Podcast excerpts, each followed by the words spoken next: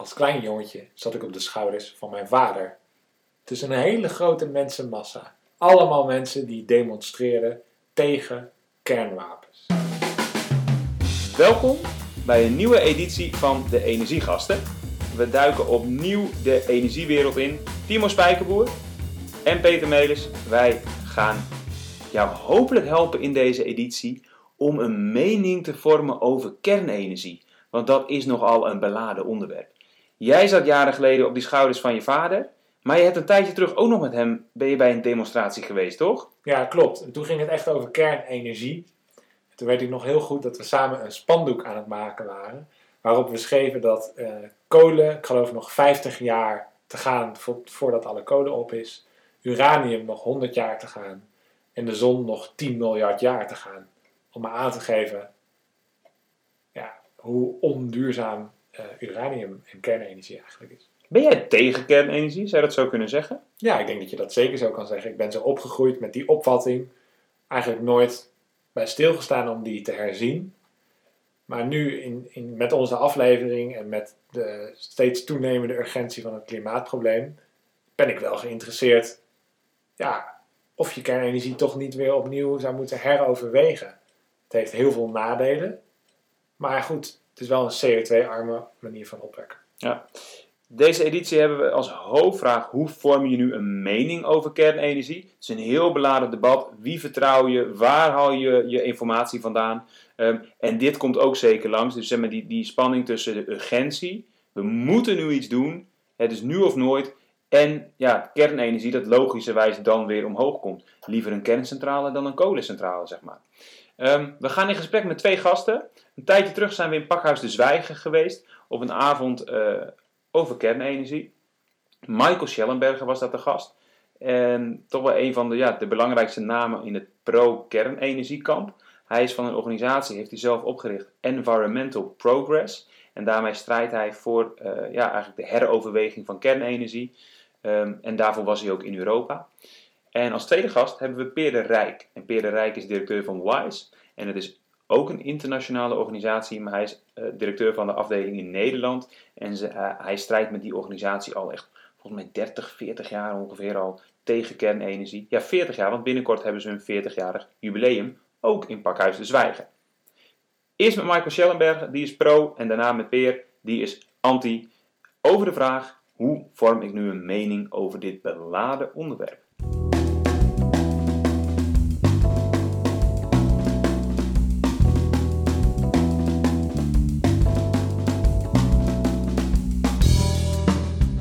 We're having an international guest at this episode of the Energiegasten. Uh, he's from the US. Um, a writer and environmental policy expert. He actually founded an Amnesty International chapter in high school. Um, and he is a big fan of Latin America, where he spent a lot of time in the 80s and 90s. Uh, he also had a PR company, public relations, so he know how to influence some public opinions. Um, he actually improved the work conditions in Asian night factories, so he did quite some different work things in his career. In 2003, he founded the Breakthrough Institute, Analysis of Energy, Climate and Innovation. And in tw- uh, 2015, he was the co author of an Eco Modernist Manifesto. 2016, that was the year he founded and became the president of Environmental Progress. Our guest of today is Michael Schellenberger. Welcome, nice to have you here. Thanks for having me, guys. Um, we're going to focus on, on a specific question. And the question is how do we, Timo and I, form an opinion on nuclear energy in this heated debate? Let's call it that. How, how where do you start? Uh, take your time. Don't go too fast. I mean, it's hard for me to recommend to you guys. I can say how I do it, um, which is you um, kind of look to the people that you trust, right? I mean, I used to be anti nuclear. I was anti nuclear for most of my life. And I only started to rethink my views when somebody I really respected changed his mind. It's Stuart Brand, right? Yeah, it is. yeah. yeah. So, and of course, that makes me sound like kind of like a sheep or something, right? Because you're supposed to you're supposed to look at the facts and read scientific papers, but none of us do that, right? Like we we kind of look around. We decide, you know, in fact the psychologists call it social proof. You know, how do I behave in this situation? Well, you look at what other people are doing. Yeah. So Stewart was somebody that was somebody I, we really respected in my family. He started the New Games Festival, which was like cooperative hippie games um, in the 70s when I was a kid. And so when he changed his mind, it was a huge deal.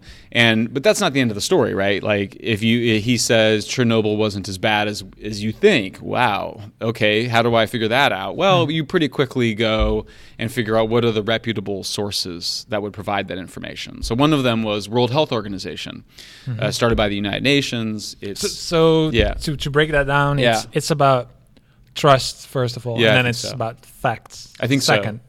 Right. I think that's right. Yeah, trust but verify is like the expression that's sometimes used, mm-hmm. right? Mm-hmm. So after after Stewart kind of gives his rap and you listen to it, it was a TED talk he gave was fabulous, but he had an article, had a book. Mm-hmm. You then want to go actually read the sources that he's representing. And I always say to people too, I'm going to say, let me tell you what the science says, but don't take my word for it. You should go in and check it out yourself. Yeah. Then, then still, if, if you have you have reputable persons on the both sides of the story, right?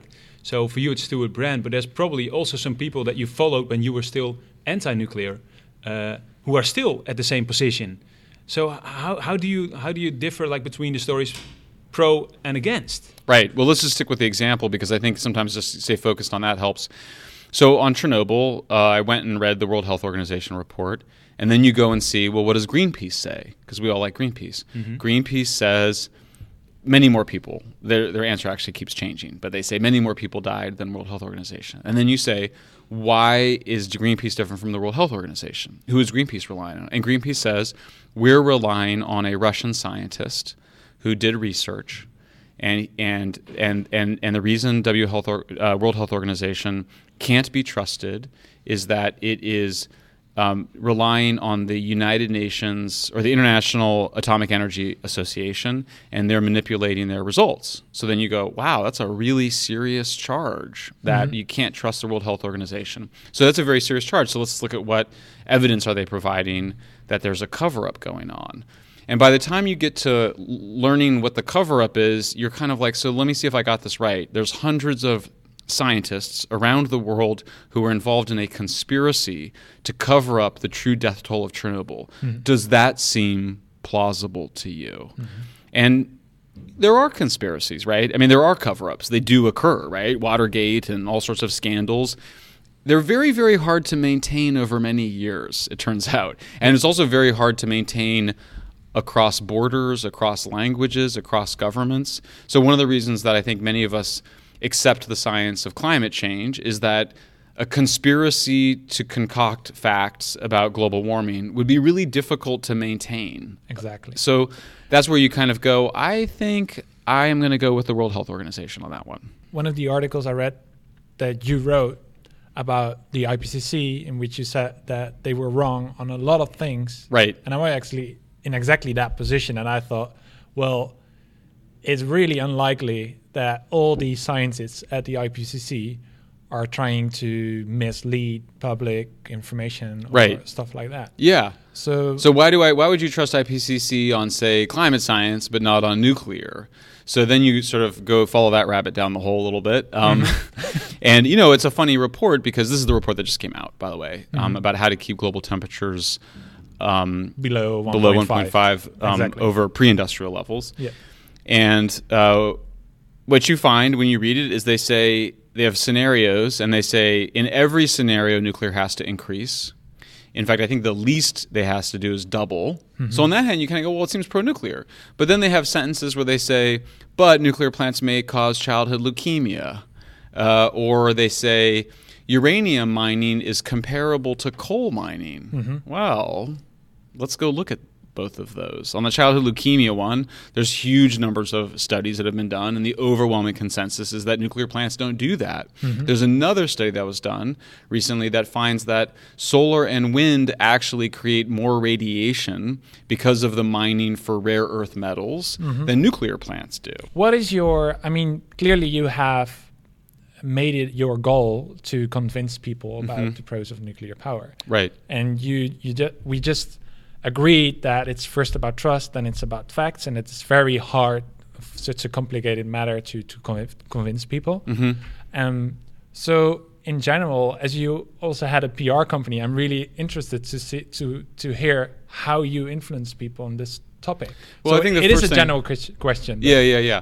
Well, on the first issue of trust, it's huge, right? So the first thing I decided um, very early on is that I wouldn't take money from any energy companies. So, and I, I've stuck to that, and that's meant that um, it's been hard sometimes. Um, not as big as we would like to be, not not the resources we'd like to have. But that's not enough. I actually document how my opponents do take money from energy companies. And I have a part of my website where I prove that. So, for example, WISE International, which is the main anti nuclear group here in Amsterdam, takes money from renewable energy companies. I've documented it. It's on my website. You can just go look for yourself. In fact, they have it on their website. Help people to find the correct information. That's, That's right. one part of your strategy. Absolutely, and and really, I think about, and that, that's a question that goes to trust. In other words, um, you know, uh, it might be that one side is right or wrong on the facts, no matter what their funding is. So that's not the end of the story. But I think if you kind of go, well, one side is independent of corporate interests and the other one's not, that's the first indication. Yeah. The second one is, I think, and we've discussed a little bit already, is the source a broadly trusted source? Um, and then I think the third one um, is are sort of the actions that that people are taking kind of consistent with that. So, for example, I think the interest I think this thing about the higher levels of radiation from solar and wind is really interesting because if you think that's the case, then is it really the case that people that are against nuclear are against it because they think it has more radiation? Or is there some ulterior motive? So, and this gets a little bit to the trust issue, a little bit to the fact issue. Mm-hmm. My talk tonight is going to be called Why We Fear Nuclear. Mm-hmm. And I'm going to get at, because if you ask people, you go, well, why do people fear nuclear? If you ask someone that's pro nuclear already, and they go, well, people don't have the facts. Well, why don't people have the facts? Well, because the journalists don't tell the truth. Well, why don't the journalists tell the truth? And then most people go, gosh, I don't know. I never thought about it. Turns out there's a whole history here. So I'm writing a book about the history of why we fear nuclear, basically. Um, and what Well, you what- find to, to Yeah. make that to make that specific. Yeah. Imagine that you would want the Netherlands, Mm-hmm. where there is no mentioning of nuclear energy in the climate agreement we have in process right now. How, what would your concrete action plan be to get nuclear energy again on on the political agenda here? uh, debate debate and discussion. I mean that's why i say um, i mean i think the first thing is when you guys go how do you make up your mind or how do you figure this out if you're like a non-expert? First thing is don't do it quickly. Don't do it like now. Take your time right? It's a really important like issue so um, you know I, I used to opine on other issues. Like healthcare immigration whatever sometimes i still slip up and do it but basically i've stopped because first of all if you're not, i'm not an expert on it and i was already wrong about nuclear so what if i'm wrong about those other ones um, let me be focused and focus on those things the second thing is the discussion and debate I think we all agree is just healthy no matter what. So, for example, I might be wrong now. Like, I might be wrong about nuclear power right now. If I'm wrong about nuclear power, there, in some sort of spiritual democratic sense, I'm still contributing to the truth about nuclear power if I'm participating in an open public debate. Yeah. The difference between an open society and a closed society is that if Stalin says, you know, um, uh, you know, up is down, and everybody agrees, then that society is going to have some problems later in the future. Whereas if Michael Schellenberger is wrong about nuclear power, and there's a lot of debate and discussion, in some ways, I've contributed to making the world a better place just by being wrong. Yeah, that's, really interesting point. Just to get back to the Netherlands again, Yeah. you're mentioning discussion and debate. Yeah. Um, that would take time as well because if you have this, what Timo mentioned, this emotion around this debate, it will take a lot of time. Imagine that people's opinions will change. That will take a lot of time to have it on the agenda again. Is it then really a valid option? Also concerning the amount of time needed to decide on it, plan it, build it, and then have it in place. Well, what is the alternative? I mean, I took four years to change my mind. I started rethinking my views of nuclear in 2007 and only started publishing and writing publicly in 2011. Hmm. So I did take my time. Um, the problem is, is that we actually haven't been having the debate about nuclear power. It's not like there has been a debate for the last 10 years in Europe.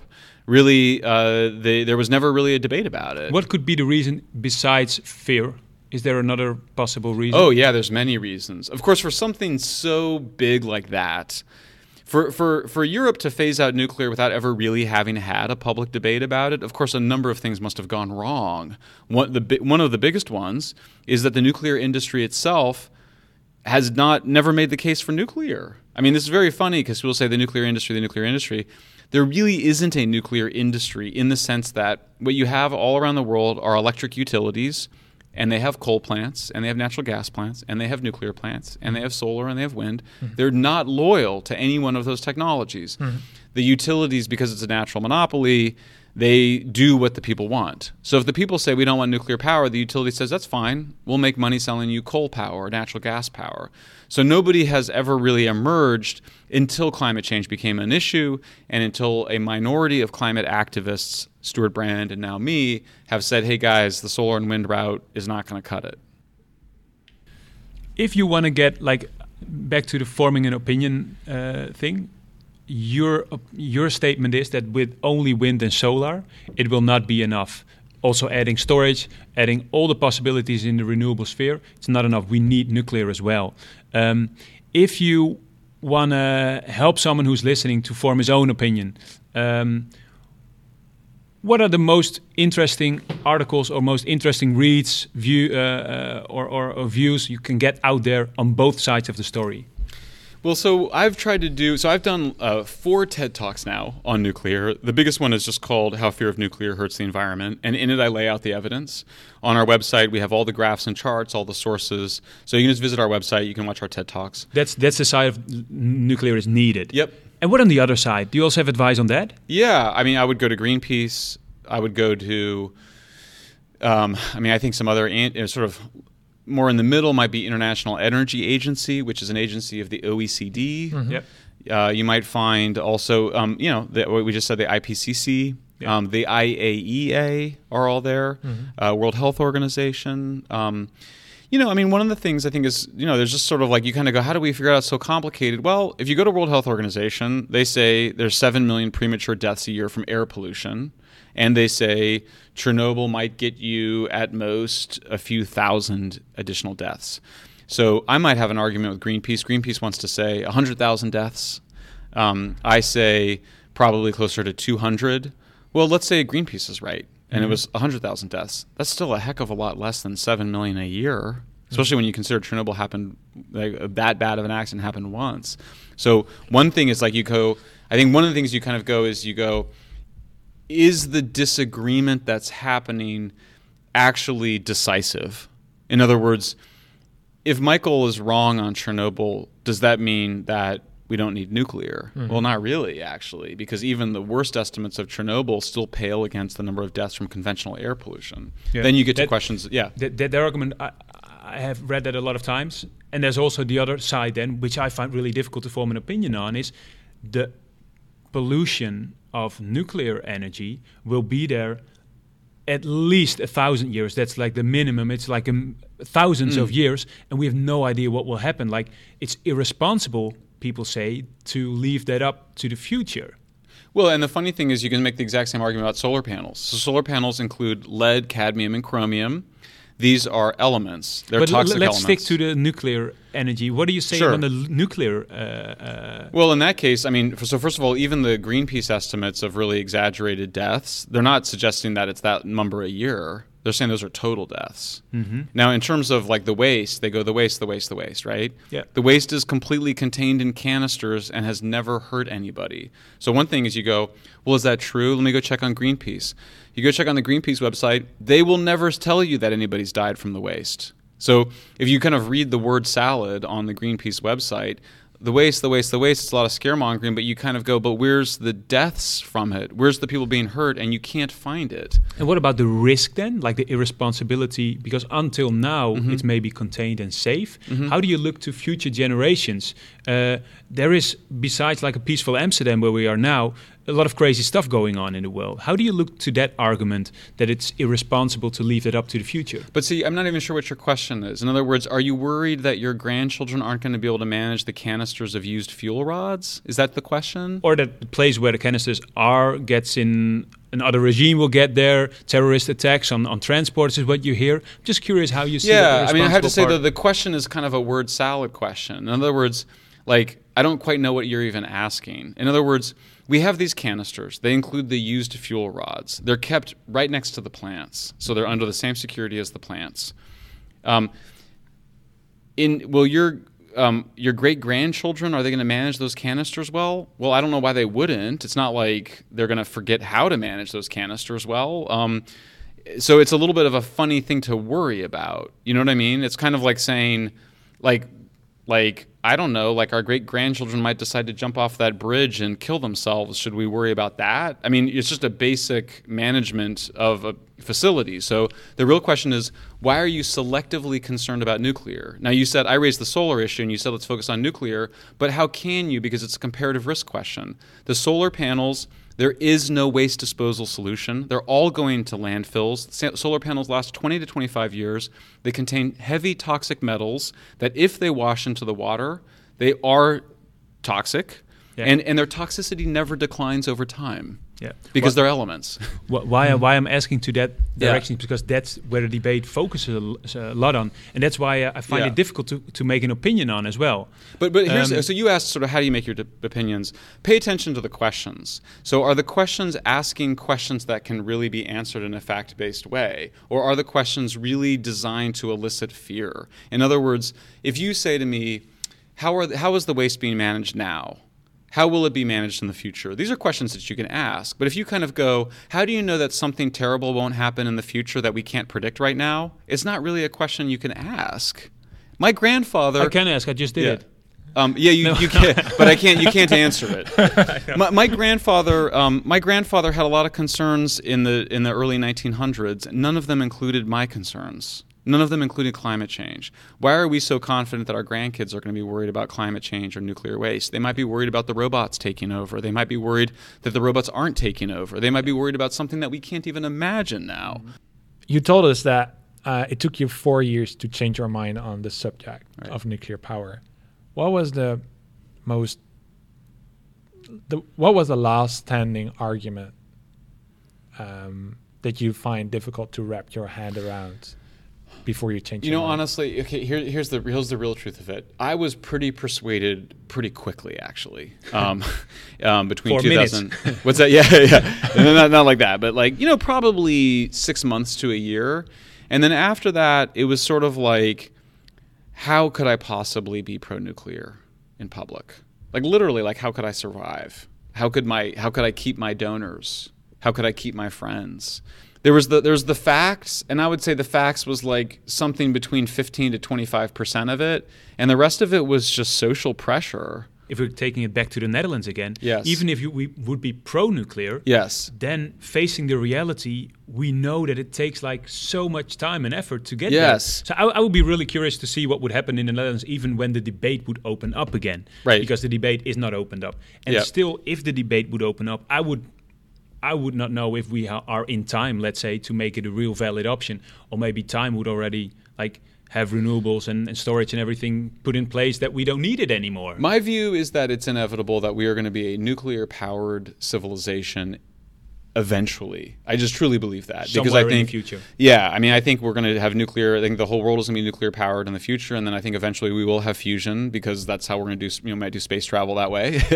um, so the question is, how long will it take, and what will be required? And without giving away the punchline of the book, I do think that this is basically a spiritual problem in the sense that there's facts, there's identity, but the spiritual issue is more that we're going to live with this new dangerous thing. And there's dangerous things in the world. So um, you can make a bomb out of fertilizer and motor oil. Timothy McVeigh in the United States was a terrorist. He killed 600 people by, by using those common ingredients to make a bomb. Yeah. Um, nobody says we should get rid of fertilizer and fuel oil. So I think it's a the, the spiritual issue is that I think it kind of goes yeah, the world has got some really dangerous things in it.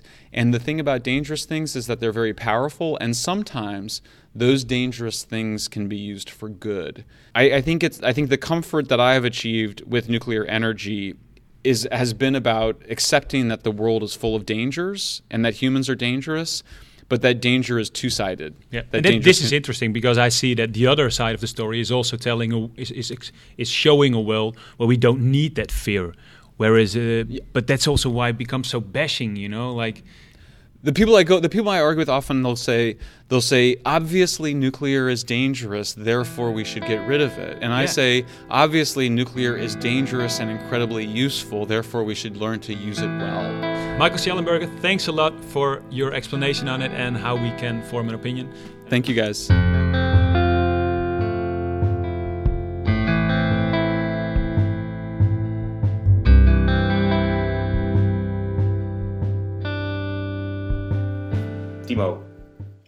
We hebben Michael Schellenberger in Pakhuis de Zwijgen gesproken. Wat vond je ervan? Ja, het is een eh, innemende man. Ehm, hij heeft ook een aantal dingen gezegd waar ik wel over na moest denken. Bijvoorbeeld dat hij zegt van ja, het is kernenergie, er zit zoveel angst omheen. Maar als je kijkt naar de cijfers, valt het eigenlijk wel mee hoeveel slachtoffers er vallen. Nou, dat zou ik graag wel willen checken. En het is natuurlijk wel heel heftig dat je eh, eigenlijk alleen maar dode mensen telt. En dat je niet zeg maar alle andere nadelige gevolgen van kernenergie eh, meeneemt. Ja, bijvoorbeeld dat je moet verhuizen of iets in die richting. Ja, of dat je ziek wordt. Ja, nog, misschien nog wel belangrijk, ja. Ja. Ehm, maar ik kan me wel voorstellen dat die angst eigenlijk misschien wel groter is dan dat de feiten zijn. Dus daar zette hij me in ieder geval maar aan het denken om daar eens naar te gaan kijken. Ja, en dat is ook wel interessant, want dat hangt om het hele kernenergiedebat heen natuurlijk. Hè. Fukushima, Tsjernobyl, eh, voor de oudere generaties, daar denk je meteen aan. Dus die angst, ja, die zit er gewoon in. Ja, ja ik, wat ik daar zelf heel in- interessant aan vind, is dat... ehm, zeg maar, ik heb het idee dat als die angst er is, dan ga je toch wel daar je eigen argumenten bij vinden. Want ik merk dat ik een beetje overweldigd word door beide kampen. Eh, nu bij Schellenberger denk ik, ja, er zijn genoeg argumenten te vinden waarvan je zegt, oké, het is wel veilig en eh, we, kunnen, eh, we moeten het wel echt doen. We hebben niet genoeg aan de duurzame alternatieven, dat gaat niet snel genoeg, we hebben niet genoeg aan opslag.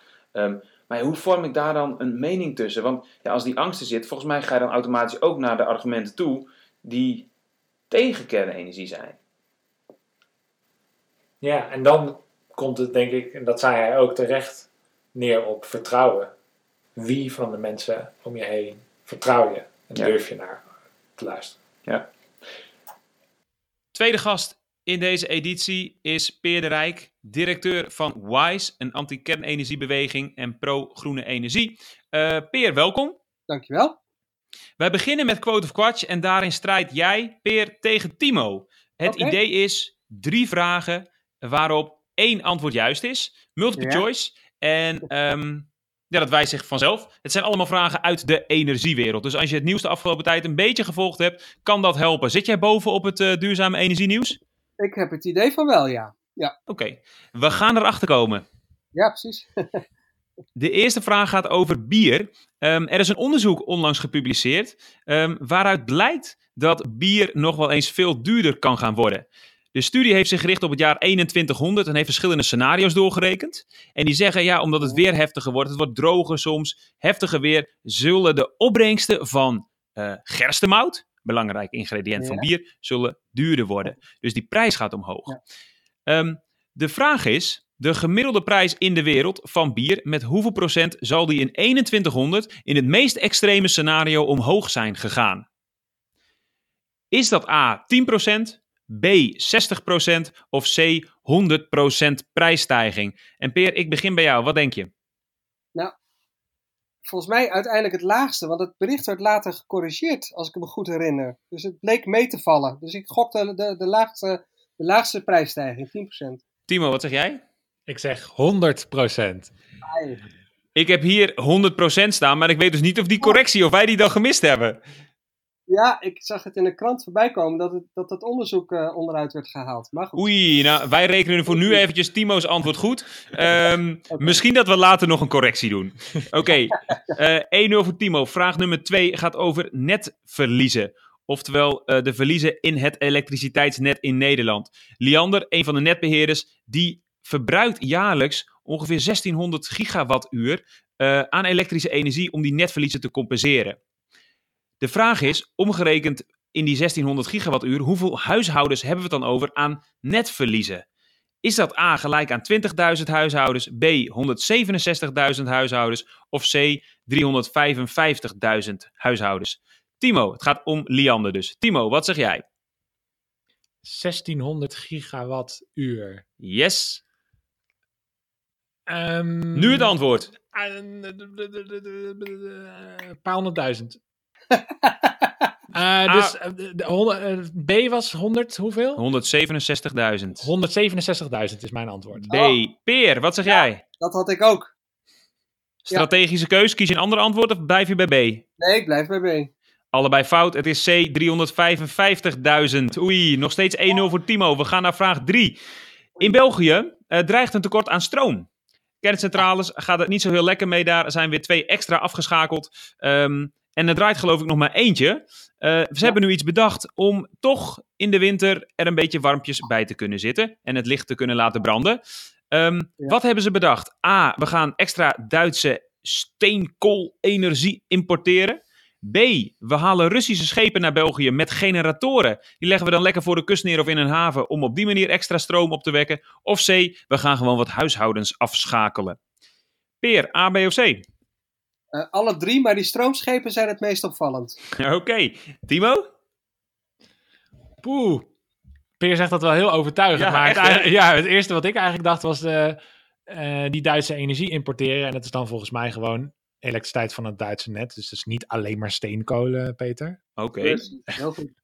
oké. Maar dat antwoord, daar A. ga ik voor. Ja. Oké, Timo zegt A. eh, Peer zei alle drie. Dan krijgt Peer drie punten en Timo één punt. Dat betekent dat Peer uiteindelijk met 3-2 wint.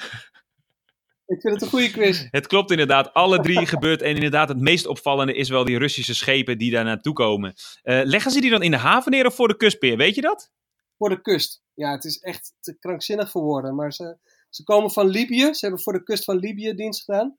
En nu worden ze naar België gebracht. Ja, het is eh, heel bijzonder. En, en even voor de duidelijkheid, dan heb je dus een schip voor de kust liggen. Met dieselgeneratoren zijn dat? Ja, het is één grote accu in feite die permanent eh, door, door eh, dieselgeneratoren wordt, eh, wordt aangedreven. Wat een verhaal. Ja, het is echt heel gênant. Heel gênant. Gefeliciteerd Peer, jij bent de winnaar van Quote of Quatsch deze editie. We gaan de inhoud in. Hoeveel jaar ben jij directeur van Wise ondertussen? Dit is mijn twintigste jaar. Dus, het is een jubileum. Ja, zeker. Ja. Wij gaan in op hoe je een mening vormt rond kernenergie. Wise is een anti-kernenergiebeweging. En Ja. dan ben ik wel heel benieuwd om even terug te gaan in de tijd. Hoe heb jij voor het eerst je mening gevormd over kernenergie? Hoe oud was je toen en welke mening kwam daar? Nou, ik was echt heel jong als, als kind, als eh, 11, eh 12-jarige. Dat kwam toen omdat mijn ouders actief waren in de toenmalige anti-kernenergiebeweging. Dus ik rolde er eigenlijk min of meer automatisch in. Ging meedoen met activiteiten. Nou, op dat moment weet je natuurlijk eigenlijk nog niet precies waarom, hè, hoe het nou precies zit. Eh, maar dat was voor mij wel de manier om, om er eh, door gefascineerd te raken. En het was in die tijd ook gewoon heel normaal om je, om je heel actief op die manier met dat soort onderwerpen bezig te houden. Eh, dus ik groeide op in zo'n omgeving. En, en wat later, zo vanaf mijn 15e, 16e, ben ik me gewoon ook echt inhoudelijk in gaan verdiepen. Door gewoon ja, toch meer over te lezen natuurlijk en met meer mensen over te praten. Is jouw mening over jouw standpunt over kernenergie, is die in de jaren wel eens veranderd? Of ben jij vanaf je 12, 13e tegen kernenergie geweest en is dat zo gebleven? Dat is op zich wel gebleven. Maar de inkleuring en de onderbouwing daarvan is natuurlijk wel heel erg veranderd. En het is, kijk, de wereld staat ook niet stil. Dus door al die jaren heen, ehm, ja, moet je, dwing ik mezelf wel om steeds opnieuw daarnaar te kijken. En ook naar de ontwikkelingen te kijken en de omstandigheden te kijken. En vroeger, dat heeft natuurlijk ook uiteindelijk met, met zoiets ingewikkelds als tijdsgeest te maken. Vroeger waren andere argumenten misschien belangrijker dan op dit moment. Maar wij, ik, als organisatie kijken wij heel eh, consequent steeds opnieuw naar, eh, klopt het nog? En als persoon doe ik dat ook. En ik kom eigenlijk in al die jaren steeds weer opnieuw tot de conclusie dat het een slecht idee is. Is er nooit een moment geweest, of wanneer is er een moment geweest dat je het dichtst bij het moment was dat je dacht, nou misschien zou ik wel van standpunt kunnen veranderen? Nou, dat is denk ik wel eh, eh, de laatste jaren in principe, nu er terecht gelukkig ook veel meer aandacht is voor klimaatverandering. En dat ik af en toe ook echt wanhopig kan zijn over het tempo van klimaatverandering. En het trage tempo waarmee we daar iets, eh, hè, waar we iets eh, tegen doen. En dan, eh, en, nou ja, dan merk je natuurlijk ook dat, dat, er gewoon, eh, dat kernenergie weer als, als optie voorbij komt. en dat, dat zijn wel momenten dat je echt gaat denken van oké, als mij nu echt het pistool op de borst wordt gezet en ik zou alleen nog maar de keuze hebben tussen kernenergie of kolen, dan weet ik niet hoe het, uh, welke, welke kant ik op zou gaan. Als jij een luisteraar van de energiegassen een tip moet geven om een mening te gaan vormen. En dan ga ik er even vanuit dat je, da dat je nog niet precies weet, ben ik nou voor of tegen? Uh, wat voor tip geef dan? Waar laat je iemand op pad gaan om zelf een mening te vormen? Ja, ik, ik raad mensen aan om echt met zoveel mogelijk mensen te praten. Van, hè, die, die, uh, die er met een verschillende of een andere blik naar kijken. Um, het is, er valt veel over kernenergie te zeggen. Het is een best een complex uh, onderwerp. Ook om je gewoon een mening te vormen over de vraag of je het gevaarlijk vindt, of je het uh, veilig, eh, vies vindt enzovoorts. En dan zeker in het perspectief van, uh, oké, okay, zou het een mogelijkheid zijn uh, in het kader van de hele energiediscussie? Uh, welke rol speelt het? Ehm, ben je echt peren en appels aan het vergelijken als je het hebt over kernenergie of kolen? Zijn er nog andere mogelijkheden? Dus ik zeg, ga, ga met experts praten. Is dat beter eigenlijk dan lezen? Of? Nee, lezen is natuurlijk ook heel erg goed. Maar ik merk zelf altijd dat je in gesprekken één op één gesprek het liefst, of in groepen, in zalen, in discussies, dat, je, dat het gewoon helpt om vanuit een ander perspectief uh, uh, iets te horen. En dat scherpt gewoon een beetje je denken. Je wordt, ja, dat, dat helpt. Dus jij bedoelt, ga zowel met voor- als tegenstanders van kernenergie in gesprek? Ja, dat is, dat is volgens mij ongelooflijk nuttig. Ook omdat gewoon het debat zelf nuttig is. Uh, wat wel lastig daaraan is, is dat met name rond kernenergie is dat een prachtig voorbeeld, is natuurlijk een ontzettend gepolariseerd debat. Iedereen zit eigenlijk al in een van de twee loopgraven, of je bent voor of je bent tegen. Uh, dat merken wij ook in ons werk. Is het bijvoorbeeld heel moeilijk om uh, mensen te vinden die nog min of meer in het midden zitten of een soort onafhankelijke positie innemen. Uh, wij organiseren vaak debatten en dat soort dingen. En dan is het gewoon heel lastig om experts te vinden die nog niet in een van de beide kampen helemaal vastzitten. Ja, want ik kan me voorstellen dat het extra moeilijk maakt om, het, om, het, om er een interessant en ook misschien wel een constructief debat van te maken. En dat was eigenlijk de vraag die wij heel erg hebben: van, is er met al die emotie en met al die, dat gepolariseerde uh, debat, is het dan nog überhaupt wel mogelijk om op een constructieve, constructieve manier een debat ja. te voeren? Nou, ik denk het wel. En dat, dat, er is ook wel een beetje iets aan het veranderen. Gek genoeg, juist door die bezorgdheid over klimaat en er is natuurlijk ook een hele generatie die gewoon niet opgegroeid is met dat anti-kernenergie uh, verhaal. Uh, die heeft dus, er, zijn, er zijn mensen die gewoon een hele periode hebben meegemaakt waarin kernenergie eigenlijk niet uh, bediscussieerd werd. Nu is er veel aandacht voor klimaat, dan komt opeens kernenergie terug. Dus er zijn veel mensen die een soort interesse hebben van, hey, kernenergie, wat is het ook alweer? Hoe zat het ook alweer? Dus kan je eigenlijk um, zeggen dat het weer uit, dat uit de taboes weer komt? Ja, ik vind het zelf uh, dat horen we natuurlijk juist bij wijze van spreken het laatste jaar heel veel. Dat in het taboesfeer, of dat het taboe is geweest.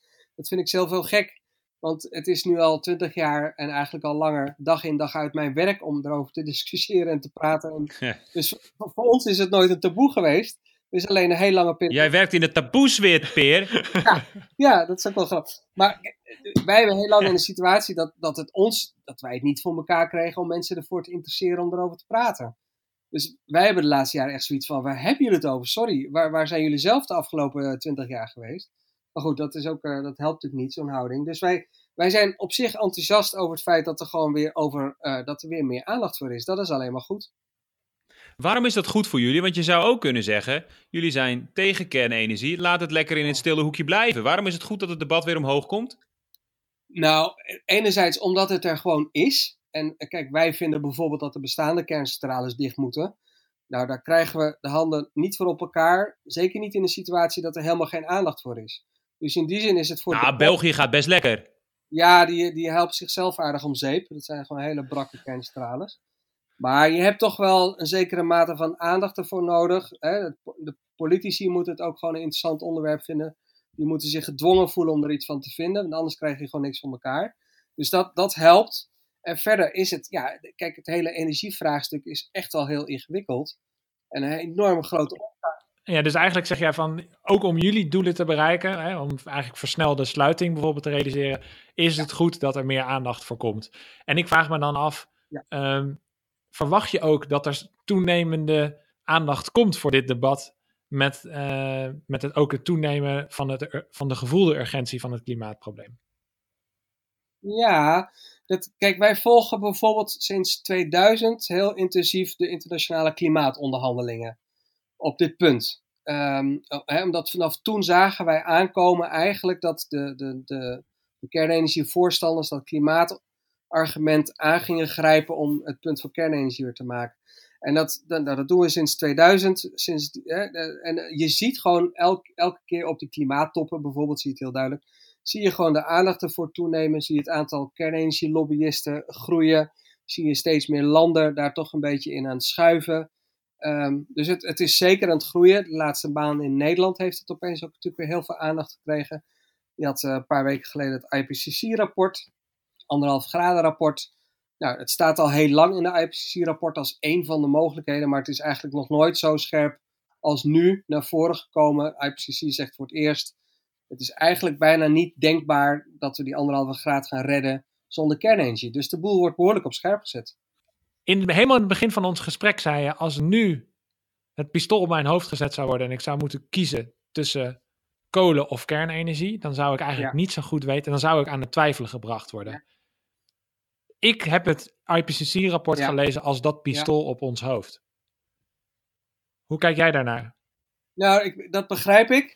En dat is tegelijkertijd jammer, want wij zijn er echt van overtuigd dat we niet uit die twee, wat ons betreft, kwaden hoeven te kiezen. En dat het echt nog steeds mogelijk is om zonder kernenergie en zonder kolen dat klimaat eh, te redden. Dat heeft wel heel veel met tempo te maken. Dan moet, dan moet je echt wel vandaag, gisteren, beginnen. Met heel ingrijpende maatregelen durven nemen.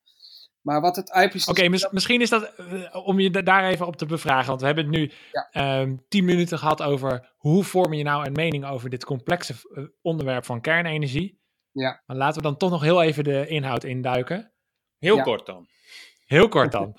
hoe zie jij die wereld voor je, dat, dat pad? Welke opties, welke energiemix moeten wij kiezen om naar die kernenergievrije, duurzame energievoorziening toe te werken? Ja, nou, dat, kijk, er is nog steeds enorm potentieel aan besparing.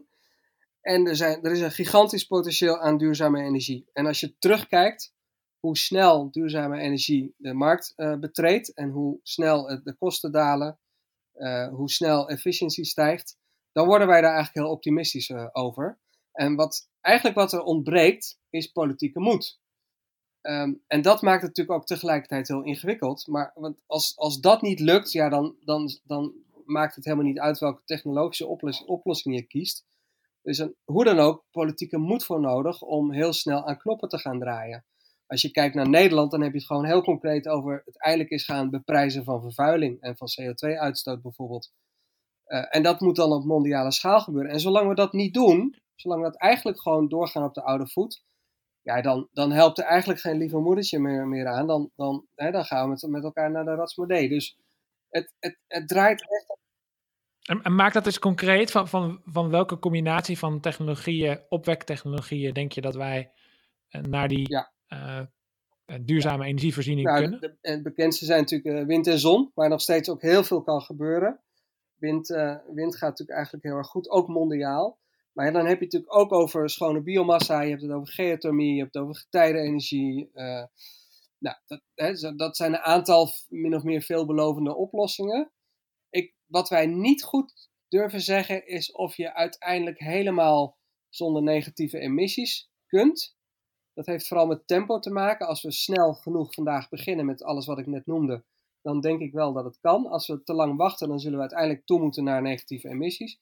En dan zul je misschien... Negatieve emissies bedoel je echt CO2 afvangen, ja, CO2 opslaan? opslaan, ja. CCS ja. bijvoorbeeld, of, of in producten verwerken, wat nog misschien best interessant is ook.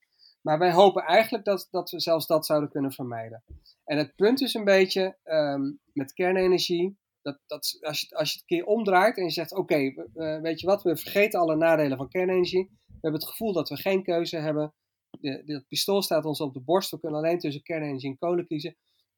En dan ga je uitrekenen hoeveel kerncentrales je nodig zou hebben om een deuk in, dat, in het klimaatpakje uh, boter te slaan. Ja, dan kom je tot de conclusie dat het gewoon ook helemaal niet kan. Dus zelfs als iedereen op de wereld vreselijk enthousiast zou worden over kernenergie. Uh, en, en je zou dus een, kernenergie op grote schaal moeten gaan inzetten om een deel van die IPCC-doelstellingen te halen. ja, en je gaat het gewoon doorrekenen, dan is het bijvoorbeeld zo dat je eigenlijk vanaf dit jaar per jaar 30 kerncentrales wereldwijd aan het net moet gaan koppelen. En dat is een, als je kijkt naar de afgelopen 50 jaar kernenergie, dan is dat een onmogelijke opgave. Dankjewel, D dat is helder. Dus jij zegt, er zijn dan zoveel kerncentrales nodig.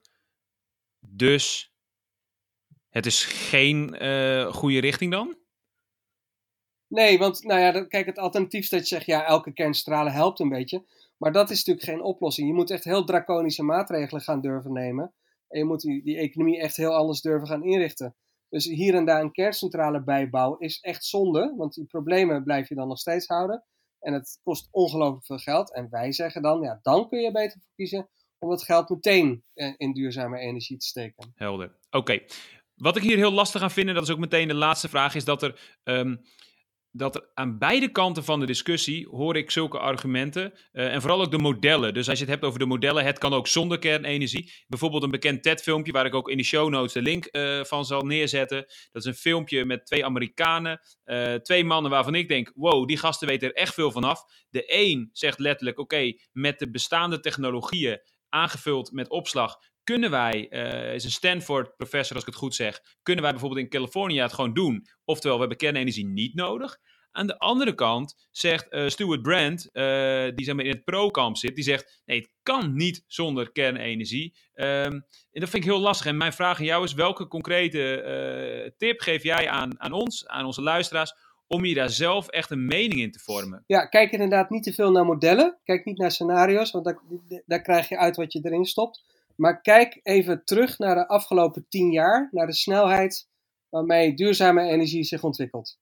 En die, dat, die snelheid, de werkelijke snelheid ervan, haalt alle prognoses en alle scenario's steeds opnieuw in.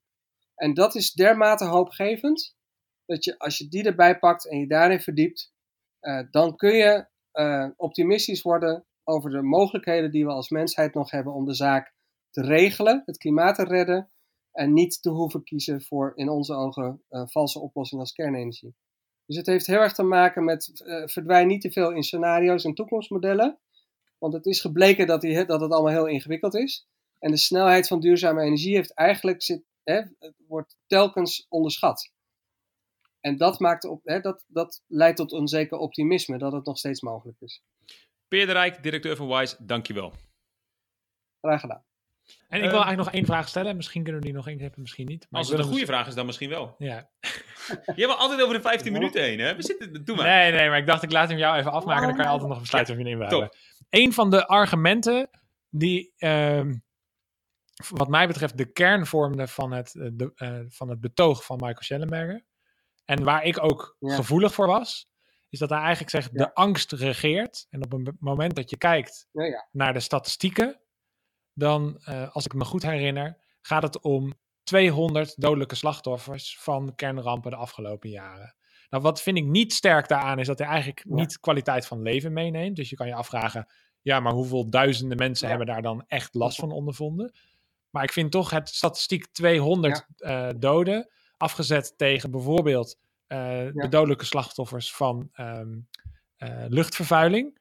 Ja, dat zijn wel um, dingen die mij aan het denken hebben gezet. En daarom wil ik dat graag bij jou checken. Hoe denk jij daarover? Ben je het daarmee eens met die statistiek?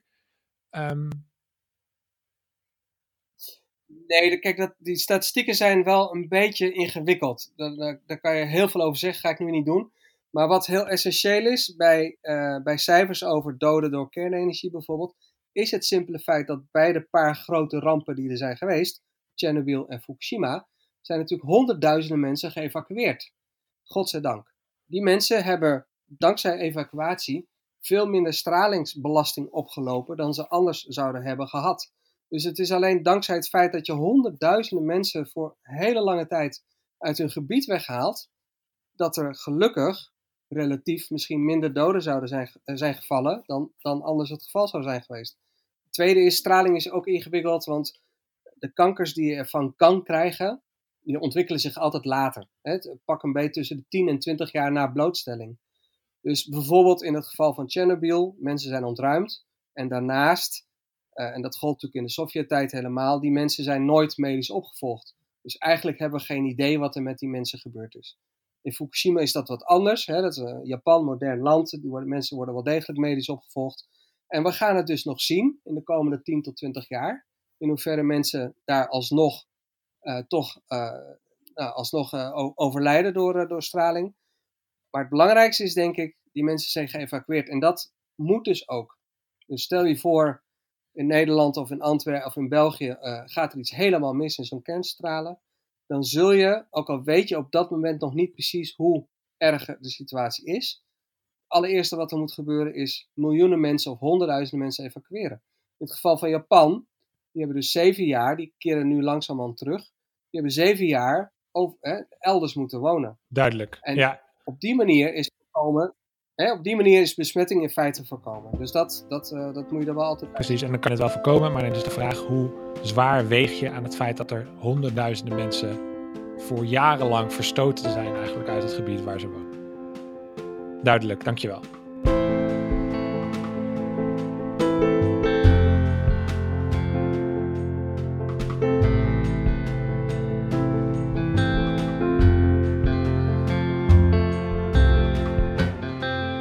De tips gehoord om je mening te vormen. Timo, wat ga jij doen? Ga jij nog dingen lezen? Zeg je nu van oké, ik wil nu nog iets opzoeken om zeker te weten hoe ik erin sta? Ja, die neiging heb ik wel. En tegelijkertijd weet ik ook dat je eigenlijk als je gaat lezen, dat je alleen maar weer nieuwe vragen tegenkomt. En dat je eigenlijk alleen nog maar weer verzandt in nog meer feitjes.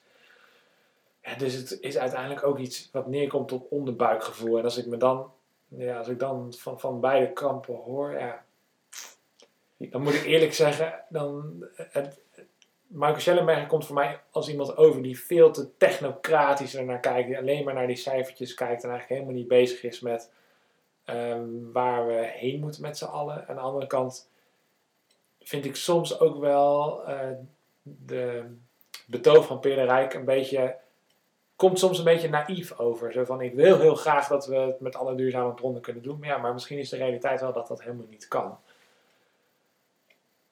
Dus hier laat zelfs mijn onderbuikgevoel me in de steek. Ja. Ik moet wel zeggen dat ik denk, als we het zonder kunnen, en als je kijkt, daar ga ik wel aan op wat Peer ook nog zei, is als je kijkt naar de afgelopen jaren, hoe hard de prijsdaling is van hernieuwbare energie, zon, wind vooral, en wat er nu op opslag gebeurt, hoe snel dat goedkoper wordt, denk ik ja, als we dat even tien jaar vooruit trekken, elk model wat we gemaakt hebben daarvoor, dat is achterhaald, het gaat veel sneller. Ik denk, ja, moeten we niet gewoon vol dan gewoon... Zeker, en, en hij zegt ook terecht, denk ik, dat stemt ons hoopvol en dat stemt ons volgens mij beide hoopvol. Maar de vraag is, is dat alleen genoeg? Ja. Wat ik wel zeker weet is dat die discussie over kernenergie, vermoed ik, alleen maar weer meer gevoerd gaat worden de komende jaren. Omdat we alleen maar meer gaan, zo gaan zien hoe urgent dat klimaatprobleem is. En dat is heel interessant, want dan wordt dit thema, hoe vorm je daar zelf een mening over? En ook eigenlijk de verplichting om daar zelf iets over te gaan vinden. Helemaal als je in die energiehoek werkt, of als je daar interesse in hebt. Ja, dan, dan wil je daar gewoon iets over kunnen vinden. Wat vind ik zelf? En we zullen onder de show notes een paar links plaatsen, want in deze editie zijn we niet super inhoudelijk op bijvoorbeeld afval, op bijvoorbeeld uh, ja, op zulke issues ingegaan, veiligheid van centrales. Dus we zetten daar wat links onder om ook je wat op weg te helpen. Er zitten wat links tussen die meer in de richting van Schellenberg gaan, maar er zitten ook zeker wat links tussen die meer de andere kant op gaan, om je eigenlijk ja, aan het werk te zetten. En als je daar iets over wilt delen, doe dat vooral. Um, uh, kijk even op energiegasten.nl, dan kun je ons een berichtje sturen. Tof om te horen als je daar uh, zelf onderzoek uitgaat. Thanks voor het luisteren. Vond je het tof? Check vooral ook andere edities en deel het ook vooral. Dat helpt echt enorm. Deel het met mensen in je netwerk, um, collega's, andere mensen die je kent die in deze scene werken of die deze podcast tof zouden vinden. En duimpje omhoog ergens of die sterren die je kunt geven in bijvoorbeeld de iTunes uh, podcast omgeving rate ons. Dat, werkt, dat klinkt een beetje suf, maar als jij een rating geeft aan onze podcast, als je het tof vindt, doe dat, want dat helpt enorm om ons bereik te vergroten. En dat vinden we tof als we uh, meer mensen aan kunnen zetten om bijvoorbeeld over kernenergie na te denken.